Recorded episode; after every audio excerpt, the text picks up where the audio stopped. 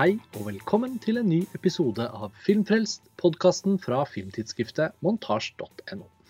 Mitt navn er Karsten Meinick, og jeg sitter her i dag sammen med Lars Ole Kristiansen. Hei, Lars Ole. Hei, Karsten. I dag skal vi snakke om David Lynchs film 'Elefantmannen'.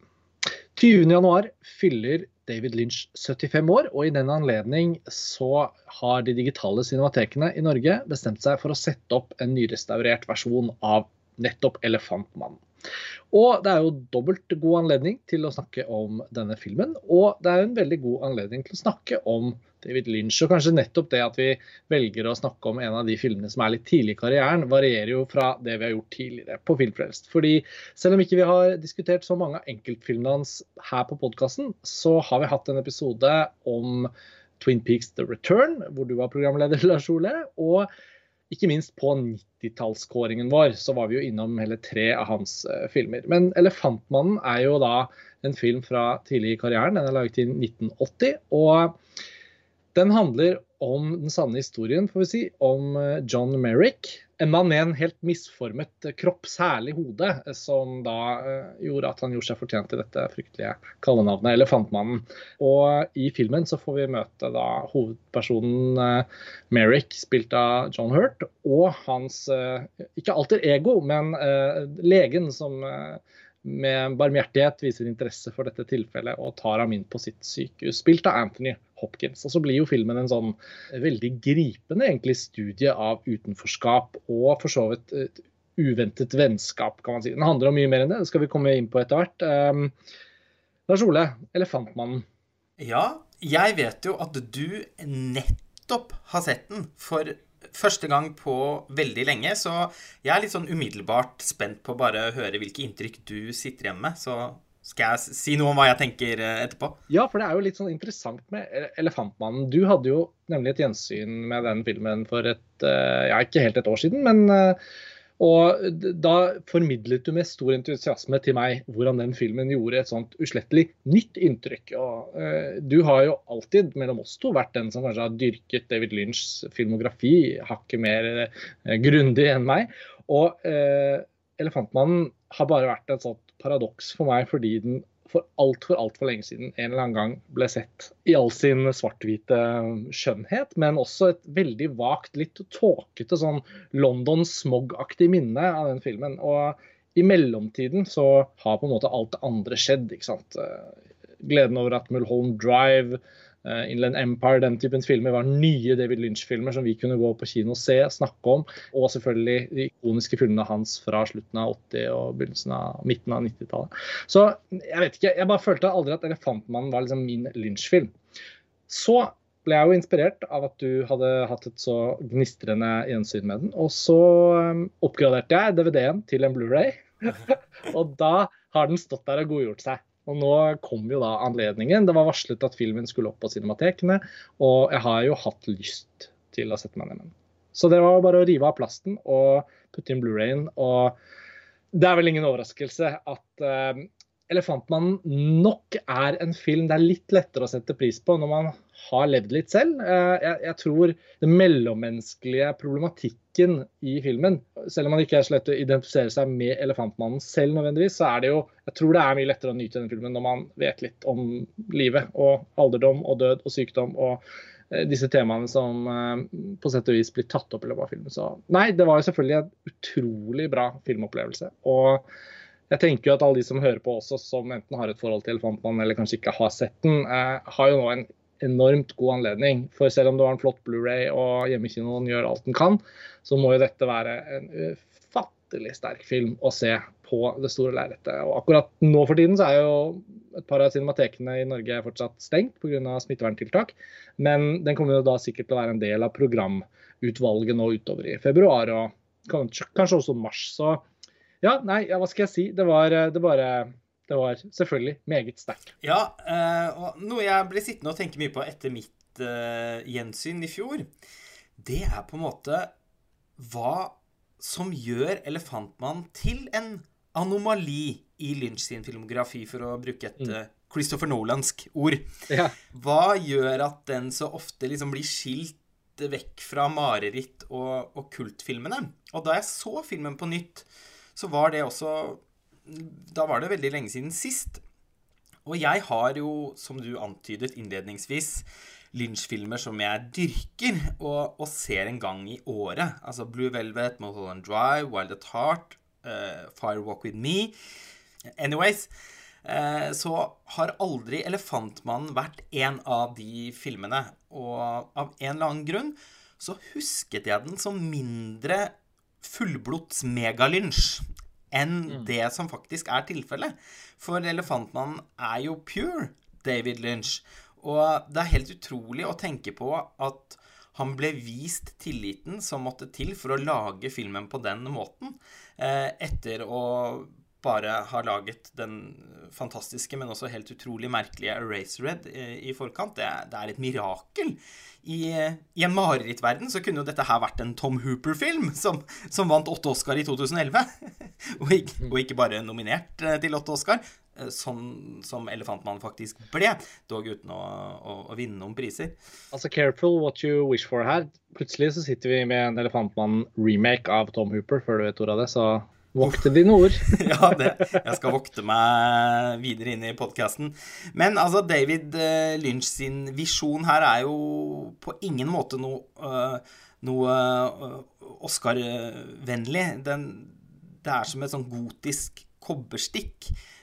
selv om filmen i sin kjerne på en måte er en masterclass i klassisk historiefortelling, så er den mye mer eh, enn som så. Altså, den er jo også så poetisk og sanselig. Bare lyddesignet, som Lynch selv er kreditert for, er jo en hel verden å fordype seg i. Og, og, det at den er i sort-hvitt, det har den jo til felles med nettopp uh, Eraserhead. Så mm. det jeg endte med å komme litt fram til, er at det som kanskje skiller den aller mest ut i Lynch-universet, er at den er britisk. For noe av det vi forbinder med Lynch, er jo amerikaneren.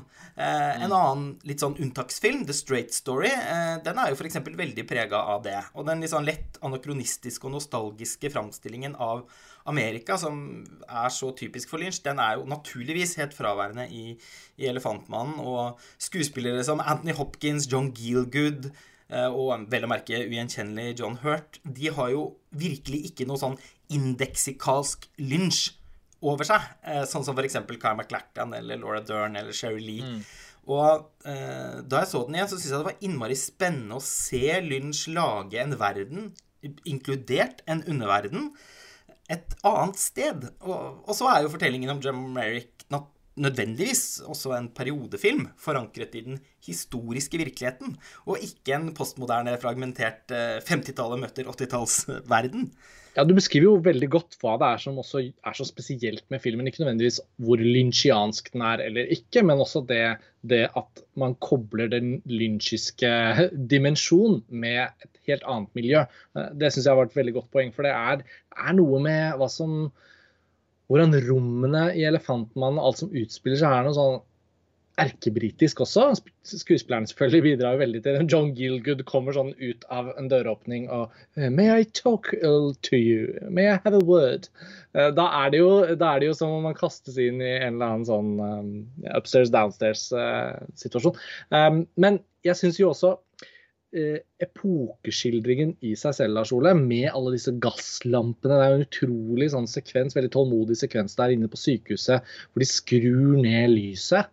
Um, bare, bare, bare, det at filmen også har den der tålmodigheten som jeg syns man ofte kan si at Lynch er spesielt god på. da, At han vet at en dramatisk uh, scene kanskje er på vei mot slutten, eller før han skal i noe som er mer tradisjonelt dramatisk, så tar han seg tiden til å liksom la noe litt ubeskrivelig ved et rom eller en, en stemning få lov å ha plass i filmen. da. Og det syns jeg jo egentlig 'Elefantmannen' har hele veien.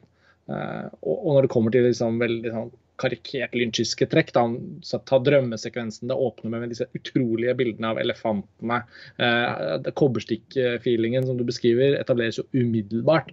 Uh, men også lyddesignet som du snakket om. Og etter det så, så slipper den jo ikke taket i så måte. Men, men nei, men det, det, er nok dette britiske elementet. Jeg er helt enig, jeg er sikker på at det har vært ganske sånn avgjørende for Lynch òg den gang, og når han ser tilbake på det, at det var en litt spesiell film. da var jeg i Storbritannia og, og lagde denne sanne britiske historien. samtidig er det jo også slående hvordan filmen springer ut av noen besettelser hos Lynch, som eh, man gjerne forbinder med sjangerfilm.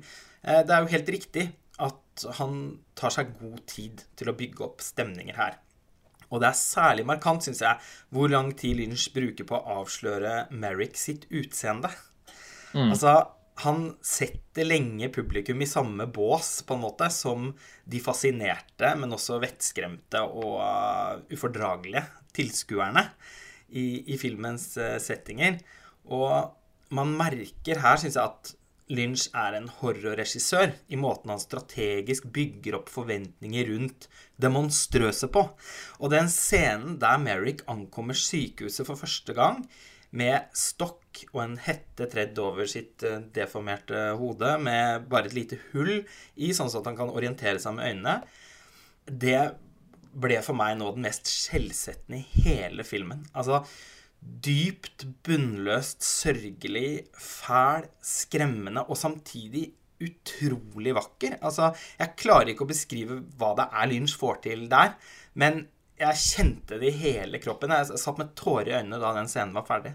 Ja, den scenen gjør virkelig inntrykk. Og jeg, jeg syns jo også uh, det at uh, Merrick selv egentlig gjennom valgene til Lynch får fremstå i så mange forskjellige grader av uh, skambelagt tilslørthet, uh, utestilt vekk, liksom, dyttet ned i hjørner.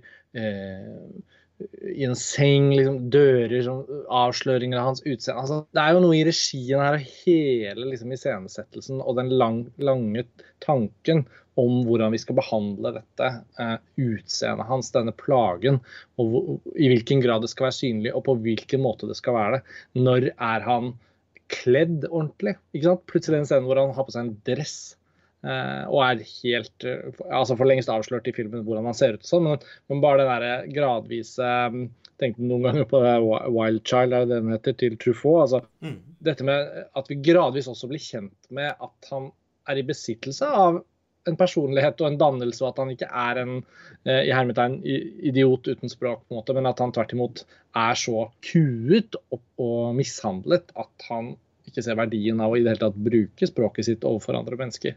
Og når det da sakte brettes ut, da, i takt med at vi også blir bedre kjent med utseendet hans, og i takt med at han blir menneskeliggjort i møte med de andre menneskene, for så å selvfølgelig slynges tilbake ned i i gjørma da, mm. eh, i hvordan han blir eh, behandlet. Det er fantastisk filmskaping. Altså Det han viser der, Lynch, som historieforteller, som, og som en sånn tålmodig da, eh, nok en gang føler for at det egner seg veldig godt som en beskrivelse av den filmen. Hvordan han er så han vet hva han har av virkemidler. Han vet han har en knallsterk historie. ikke sant? Han har denne hva skal vi kalle det, spesialeffekten, sminkeeffekten eh, John Hurt og sånn. eh, Det er så mange ting å vise fram, men han tar seg virkelig tid med det. Eh, jeg, jeg, jeg, merket meg altså rulleteksten at filmen er faktisk klippet av Anne Coates, som jo hun er så legende.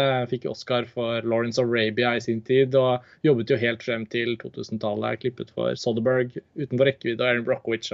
Altså, det var jo noe med de folka også Lynch jobbet med her som spesielt høy kvalitet på. da. Fotografen Freddy Francis, som vi skal, snakke litt mer om.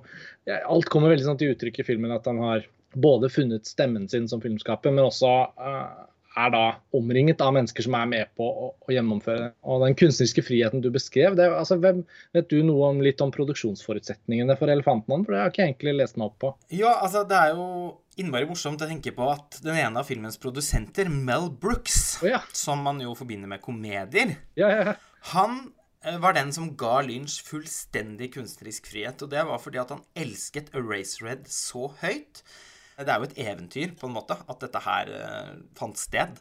Mm. Du og jeg later jo til å være enige om at møtet mellom Lynch sin verden og den historiske virkeligheten i Elefantmannen er innmari vellykket. Men eh, jeg kom på da du nevnte denne Pygmalion-dimensjonen ved filmen, altså mm. John Merrick sin forvandlingsprosess, så var Roger Ebert innmari provosert over den. Og Ibert fred over hans minne eh, han var jo lenge David Lynch sin store antagonist, med slaktanmeldelser av Blue Velvet, at Heart, Far Walk With Me, Lost Highway og altså Elefantmannen. Han endte opp med å elske Mulholland Drive. Eh, Inland Empire anmeldte han aldri, men Altså, Roger Ebert sin halshogging av Elefantmannen, den er utrolig morsom eh, og, god lesning. Og jeg har funnet fram eh, den eh, anmeldelsen her for å lese et sitat. Jo, han skriver In the film, John Merrick learns how to move in society, to have ladies into tea, to attend the theater, and to build a scale model of a cathedral. Merrick may have had greater achievements in real life, but the film glosses them over. How, for example, did he learn to speak so well and eloquently? History tells us that the real Merrick's jaw was so misshapen that an operation was necessary just to allow him to talk. In the film, however, after a few snuffles to warm up, he quotes the 23rd Psalm and Romeo and Juliet. This is pure sentimentalism! Og, og, så sant som det er sagt, på en måte. Eh, det er derfor jeg syns anmeldelsen er så morsom. Fordi han er jo også presis her, på en måte, i, i sin kritikk. Men eh, teksten avslører også hvor lite interessert Ebert er i Lynch sitt kunstneriske prosjekt. ja, jeg, skulle, jeg, skulle til å si Snakk om uvilje til å bare være litt med på en film. Det er noe sånt suspension of disbelief. Ja, ja, ikke sant? Og, Kom igjen. Vi, det er ganske mange situasjoner i starten der når man prøver å snakke som er sånn sikle og, og, og umulig å forstå. Ja. Jeg syns jo filmen skal få det at den Ja, når vi først blir med på at han snakker, så er det jo greit at vi liksom kan høre det, da. Det, ja, jeg er enig men, med deg. Eh... Herlig sitat, da. Altså, det er jo alltid veldig gøy med Roger Ebert, en av de virkelig store kritikerne, selvfølgelig, eh, som, vi, som vi jo kjenner godt. Kanskje noen av lytterne våre ikke kjenner altså kritikken hans så godt. Eh, for det er jo ikke alltid man, man kan lete fram og, og, finne de. Men han har jo en sånn fantastisk nettside hvor veldig mye av, av tingene ligger ute, og gitt ut bøker og, og sånn. Og, og, det morsomme, sånn som med Pauline Cale, som vi har snakket en del om de siste årene og trukket inn i forskjellige sammenhenger, så er det jo fantastisk når man tar en eller annen kanonisert film fra ja, ikke sant, David Lynch-aktig regissør, så er det jo gøy å se at ikke de alltid ble mottatt like positivt da de kom. Og det tenker jeg også sånn med en type som eh, Christopher Nolan og eller, sant, noen av de som får litt sånn, tidvis litt sånn surmaget kritikk. Og så går det noen år, og så begynner man å tenke allerede tre-fire år etter så er det jo helt utrolig at noen kunne få seg til å skrive det. ikke sant? Og da er det jo nå med tilfellet du nettopp trakk frem, eh, 41 år etter, så, er det jo morsomt at eh, ja, var så snerpete, skal vi få kalle han det? Ja, man må jo si at han eh, var det. Altså, for Lynch er jo åpenbart eh, mer opptatt av det mytologiske enn det realistiske. Han er mer opptatt av bilder og lyder og ulyder enn tekst. Og det preger jo hele filmografien hans. Og mm. Ebert sliter innmari med å gå den i møte på noe som helst tidspunkt. Jeg vil tro at det som ble forsonende med Mulholland Drive for han, det, at det rett og slett var at den foregikk i en definert filmverden, altså i Hollywood. At den handlet om film. Og at Lynch derfor ikke forpliktet seg til eh, den, den, historiske virkeligheten. Eh. Mm. En annen ting som er fascinerende med 2021-øyne, er jo også hvor, hvor, tidløs egentlig da Lynch sin filmatisering av 'Elefantmannen' sin historie da, eh, er så Den er, føles veldig relevant tematisk for også vår tid. altså Fokuset på utseende og kropp, og, og ikke minst liksom, ideen om at man skal kunne inkludere alle, og at uh, bare en god moral, da, en god holdning til at ingen er annerledes, og at vi alle skal behandles likt, i all sin liksom, ja, naive godhet, kan man si, da, så er det jo fascinerende i 'Elefantmannen' at uh, Anthony Hopkins' karakter har jo virkelig en endeløst god vilje. Men han blir jo også konfrontert med underveis med at men gjør ikke du også egentlig gjennom all din godhet noe av den eh, Altså du, du, forlenger egentlig problematikken, da, men han, han, stilles på utstilling fortsatt, men på en annen måte. Og der tenker jeg jo at 'Elefantmannens' eh, relevans i dag er jo faktisk ekstremt lett å, å, se. Man kan jo nesten til og med se for seg at det ikke ville vært så lett å få laget 'Elefantmannen' til Lynch på den måten i dagens klima. Fordi det antageligvis ville vært forventninger da, om et, et, et, enda mer hensynsfullt eh, filmperspektiv. Eh, som igjen ville tatt vekk noen av de mørkere sidene av historien. Som jo er sanne. Ja, altså det er jo rimelig å tro at f.eks. den litt sånn skrekkfilmaktige tilnærmingen og sånn ville blitt ansett for å være problematisk. Uh, I og med at du nevnte åpningssekvensen, Karsten, så er jeg nødt ja. til å lese et kort sitat til fra den Ebert-anmeldelsen. ja, by. Hent frem. The direction by David Eraserhead Lynch is competent. Although he gives us an inexcusable opening scene in which Merrick's mother is trampled or scared by elephants, or raped, who knows, and an equally idiotic closing scene in which Merrick becomes the star child from 2001 or something. ja, altså Ibert har jo utrolig mye humor i hvordan han formulerer sine kritikker. Jeg syns jo som regel alltid det er morsommere å lese Roger Ebert når han er streng med en film, enn når han elsker en film. Ja, veldig ofte. I, i ren leseglede, altså. Det er jo selvfølgelig herlig å, å lese Ebert eh, gløde om en film som han brød seg om. Han hadde jo et veldig stort hjerte. Men han var jo også knivskarp når han først ville. Ja, og um, han ble, kunne bli sånn ordentlig indignert. Uh, og det ja. ble han ofte av Lynch sine filmer. Men Lynch overlevde jo eh, åpenbart, da. Iberts Eberts kritikk. Det er gøy dette med 75-årsdagen, som nå uh, er en slags ja, markering da, nå rundt januar 2021. Og, og det at vi fortsatt venter jo nå på hvilken retning Lynch egentlig har til hensikt å ta som filmskaper i den tiden han har igjen, som vi får håpe er egentlig en lengre periode. Og dere diskuterte jo i den flotte podkastepisoden om Twin Peaks The Return, hvor du hadde med deg to gjester. Da diskuterte dere jo veldig hvordan dere så denne nye eh, sesongen av Twin Peaks også i lys av hvor David Lynch befant seg som filmskaper da i sine eldre dager, eh, versus hvordan han var i sine yngre. Så vidt jeg husker det. da. Og, og jeg synes jo at 'Elefantmannen' er jo fascinerende også fordi den bærer jo ikke preg av å være laget av en spesielt ung filmskaper. Nei, den, altså om man ser bort fra at den er så modig og idérik, så er det jo ingenting som tyder på at Lynch har såpass lite filmskapererfaring som han Nei. faktisk hadde på det tidspunktet. Eh, vi sa jo at vi skulle si noen ord om filmens fotograf, Freddy Francis. Ja.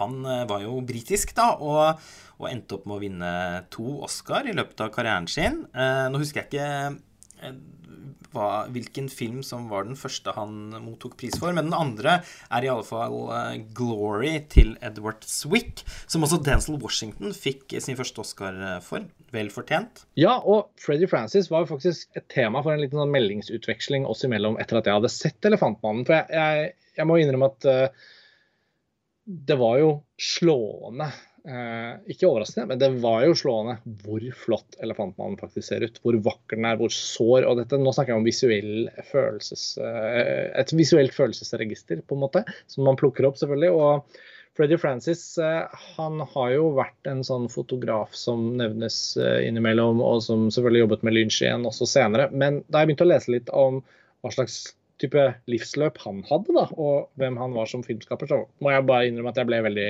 fascinert. Så det var derfor jeg tenkte på dette med Du nevner jo at uh, han vant jo en tidlig Oscar òg, men, men, han er jo kjent for at han vant den for Glory og sånn. Han vant for en film fra 1961, 'Sons and Lovers'.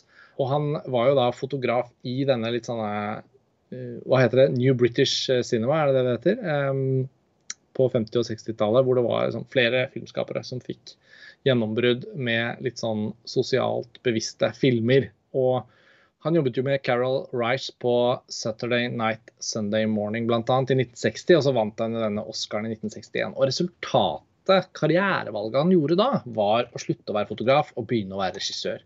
Og i 20 år så jobbet han med sånn B-horrorfilm i all hovedsak.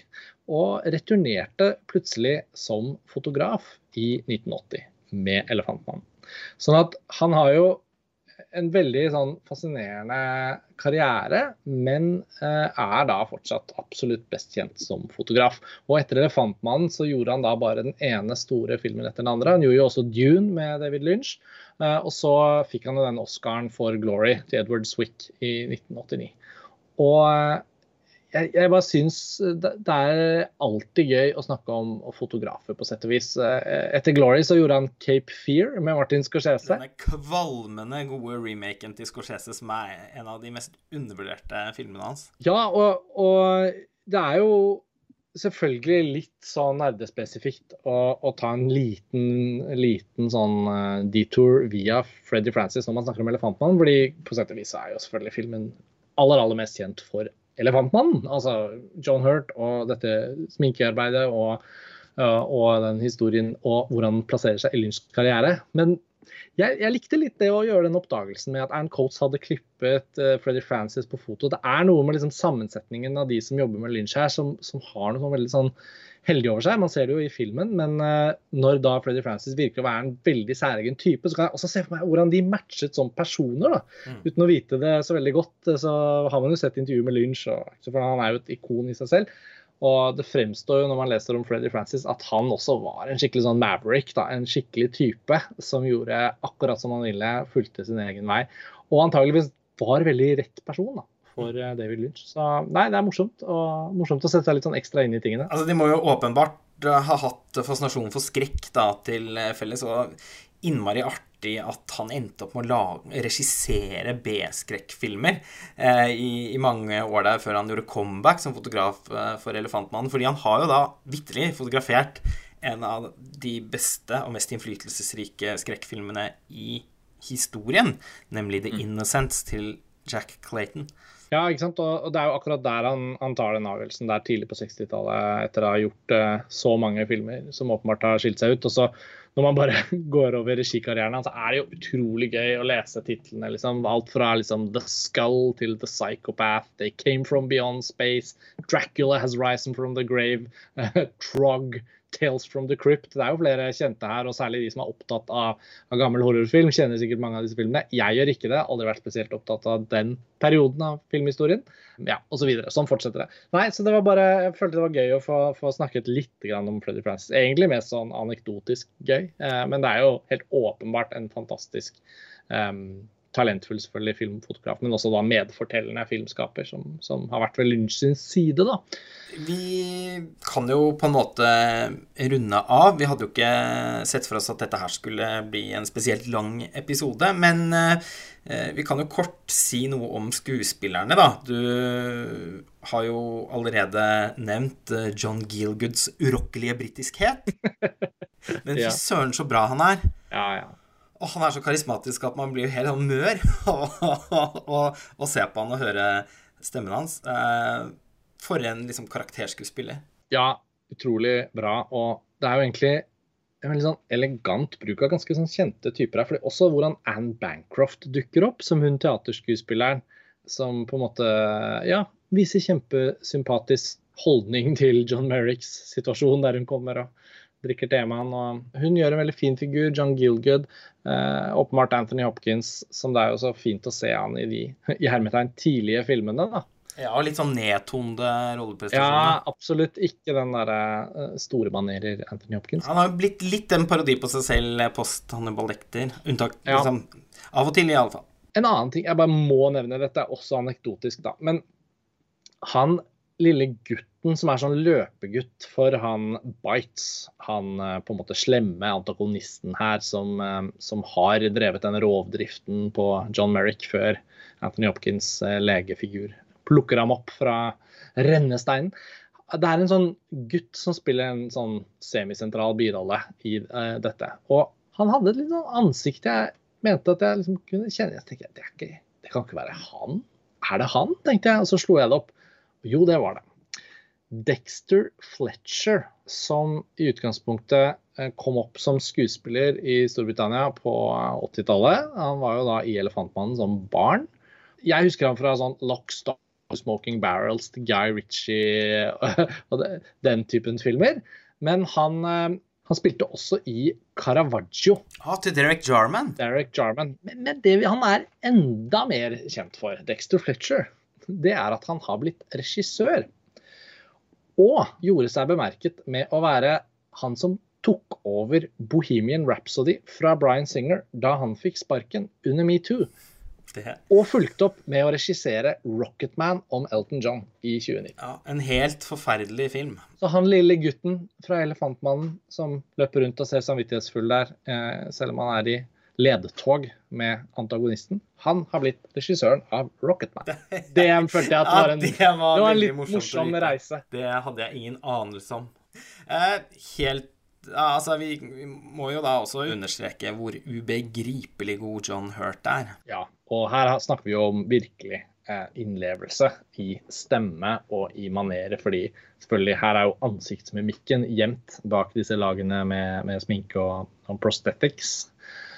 Men ja, han er jo helt utrolig i hvordan han liksom vevert og veldig troverdig klarer å skape sjelfulle sekvenser eh, på rad og rekke i, i rollen som John Merrick. Jeg, ja, hva skal man si? Jeg føler John Hurt var en skuespiller som Han har jo bare nylig gått bort, men, men han har forbundet med en skuespiller som alltid har sett gammel ut. Mm, jeg òg. Jeg kan nesten ikke huske Nei, litt sånn som Aud Schønemann, og det er noen som aldri har vært Ja, det er et eget syndrom. unge. Og, eh, og til og med John Hurt i Alien, som da er jo før Elefantmannen. Også der syns jeg jo at han ser, tross alt ser eh, gammel ut. Eh, slitt, i hvert fall. Så han, han, levde jo, eh, han levde jo sikkert litt hardt, eh, som mange av den generasjonen med skuespillere i England eh, gjorde. Oliver Reed og den typen figurer. Men ja, men levde altså inntil nylig òg. Ja, det er åpenbart i alle fall at han eh, brakte med seg noe livserfaring inn i den rolletolkningen, som altså er så vakker. Eh, og det er helt uforståelig, syns jeg, at han ikke vant den Oscaren han var nominert for. Man har jo knapt sett noe lignende. Var dette det året da med Elefantmannen hvor, eh, hvor eh, Robert Redfords 'Ordinary People' stakk av med de fleste? Ja da, og det, og det betyr jo også nødvendigvis at Robert De Niro fikk sin eh, Ja. svært fortjent Oscar for 'Raging Bull', så det var ikke noe skandaløs uh, avgjørelse i det hele tatt. Men det er bare uh, Noen ganger så blir det sånn at uh, to så helt sånn ikoniske rolleprestasjoner er nominert i den samme prisen, og vi vet jo hvordan det er at man kan Men, men det er bare forbløffende å, å, å tenke på i etterkant at det Altså, det går, går veldig lang tid mellom hver gang jeg ser en, noe, et skuespillerarbeid jeg blir så imponert av. Nei, men vi får oppsummere med at dette er jo da åpenbart en uh, film som lever opp til uh, sin berømmelse, kan man si. Den er da altså programmert av de digitale cinematekene i Norge i anledning David Lynchs 75-årsdag. Og uh, i forbindelse med restaureringen så må vi også nevne at den er utgitt på fysisk format om igjen. Nå også i 4K, og jeg tror det er en sånn veldig påkostet, flott utgivelse i Storbritannia som kan handles inn av de med tilstrekkelig stor interesse. Og um, jeg synes uh, En siste oppfordring må jo da gå til gjenåpningen av uh, kinoene og cinematekene der det nå har vært stengt uh, flere steder, og særlig i Oslo, da, helt siden november. Når det til slutt omsider nå åpner opp igjen, så får vi alle som har et hjerte hos kinoene våre, oppsøke dem og se film. Og da vil antageligvis Elefantmannen stå i programmene. Så det er min oppfordring, i hvert fall, og det kommer vi til å gjøre når anledningen byr seg. Lars Ole, skal vi bare avslutte da og si takk for denne gang? Det skal vi. Jeg har også en oppfordring til slutt, og det er at alle eh, lyttere som er oppriktig fascinert av eh, historien om Elefantmannen og på en måte det fenomenet, bør lese Per Olof Eng eh, sin korte roman 'Styrtet engel'. Så skal jeg ikke si noe mer om den. Vi noterer anbefalingen. Takk for det tipset. Vi høres snart igjen her på Filmfrelst. Takk til alle dere som hører på, og Lars Ole, ha det bra for denne gang. Ha det bra.